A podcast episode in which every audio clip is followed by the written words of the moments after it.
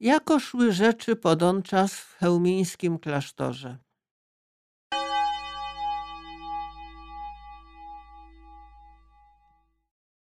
Klasztor tutejszy stał już w on czas trzy wieki i prawie można było mniemać, że mu już koniec, jako i inszym wielu. U nas w Małej Polsce nie tak było spustoszało po klasztorach, jako tu w Prusiech, gdzie powietrze i herezja, gdyby dwie miotły, poszedłszy razem w taniec, wymiotły i opróżniły klasztory niemal do cna.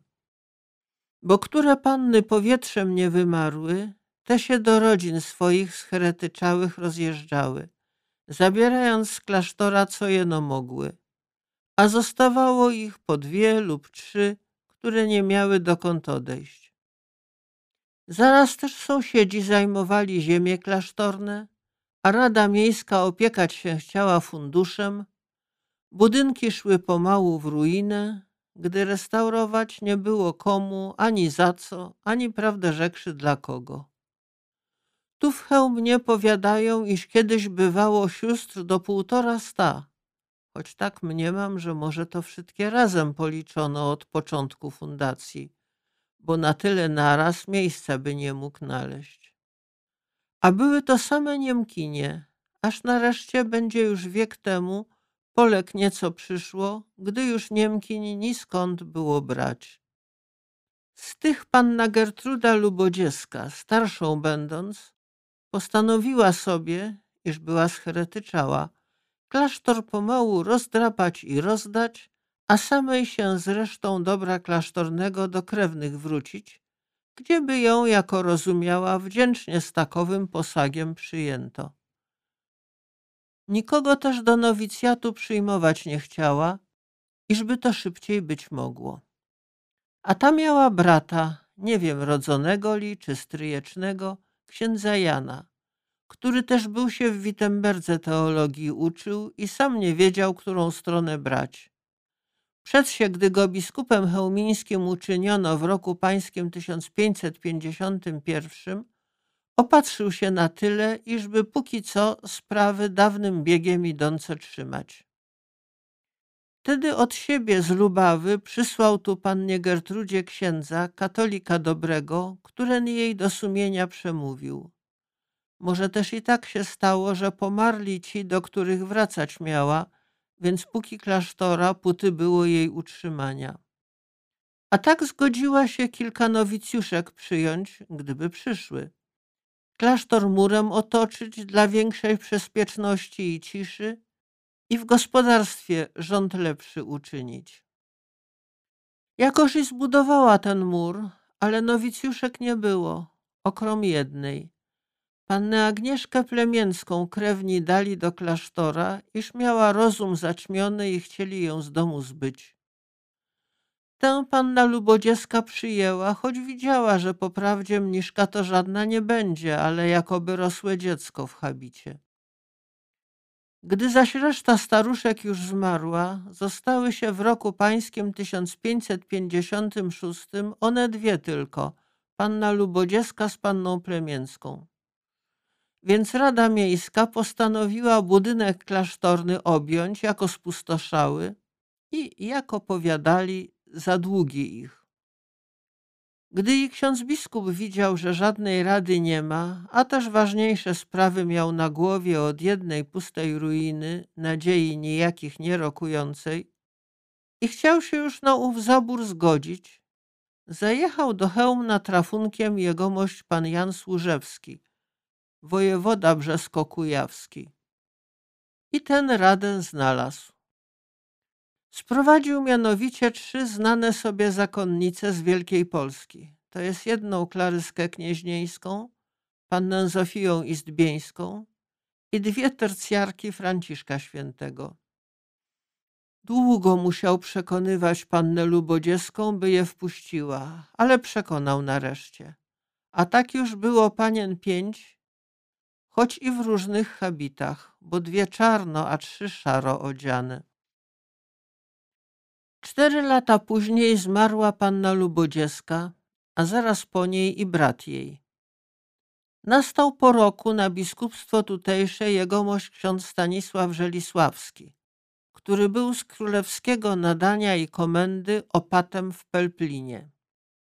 Za jego to czasów Sejm Parczewski przyjął w roku 1564 prawa kościelne przez Sobór w Trydencie ustanowione jako prawa Rzeczypospolitej. Tamże wiele było o reformie zakonów, aleć tacy jak ksiądz Żelisławski komendatariusze i słyszeć o tym nie chcieli, bo oni nie dla reformy swe opactwa od króla brali, ale dla dochodu, który by im zmalał, gdyby dobre porządki klasztorne pomnożyły liczbę mnichów. O panny zaś zakonne ani pytał.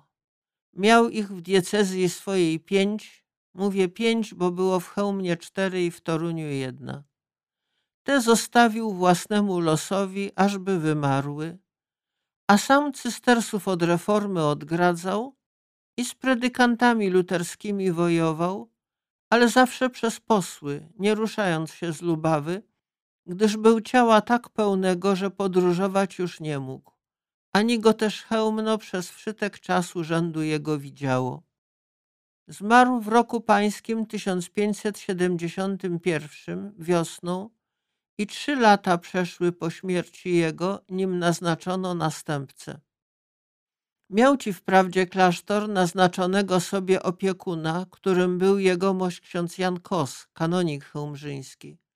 Ale ten niewiele się nimi opiekał, bo i mówił, że już po prawdzie nie ma kim, a w te lata miał inne zatrudnienie, będąc rządcą diecezji sede vacante.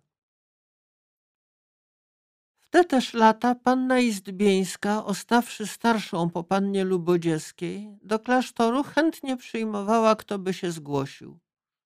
I mówiono mi, że się ich po kolei zgłosiło ponad dwadzieścia, ale się ostać nie mogły. Któż wie czemu? Może, jako mi panna Rosianka powiadała, zachętnie je przyjmowano, żadną nie brakując, więc też przyjęto niestałe wietrznice i te jako rychło przychodziły, takie odchodziły. Może też ładu i składu w tym klasztorze nie było. Reguły żadnej nie było na pewno, bo jaka? Ani chóru, bo księgi chórowe gdzieś poginęły. Więc panna Izdbieńska tego tylko nauczyć mogła, co sama na pamięć umiała, to jest koronki mówić. Klauzury też nie chowano, iść było wolno i do fary, i do kramów, a tak druga mówiła, i cóż to za klasztor taki, mogłam tak żyć i w domu.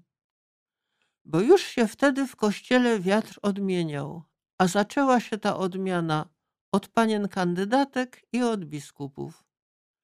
Panny kandydatki zaczęły szukać trudu dla Boga i sensu w tym trudzie, nie wygód.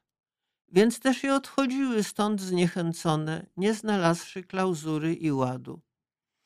A nowi biskupi całym umysłem dążyli do reformy. Jeno, że mając każdy całą diecezję na głowie, nie od panien zakonnych reformę tę zaczynali. Z takich to był jegomość ksiądz Piotr Kostka, który tu nastał biskupem w roku pańskim 1574. Na razie jednak i on nie wierzył, żeby jeszcze mógł się odrodzić chełmiński klasztor. A pragnąc mieć w diecezji kolegium księży jezuitów, tu ich zamyślił umieścić. Aleć wtedy panna Istbieńska okoniem mu stanęła, przypominając, że jako mu rzekła, nie na jezuity ten klasztor fundowany, ale na panny. Uczynisz rzecz przeciwną umysłowi fundatorów naszych. A tak zaniechał, myśląc może, że to już tylko na kilka lat. Jakoż i było na kilka lat, tego jedno nie wiedział, że jego własna siostrzenica, we trzech milach od jego zamku biskupiego mieszkająca, dom ten odrodzi.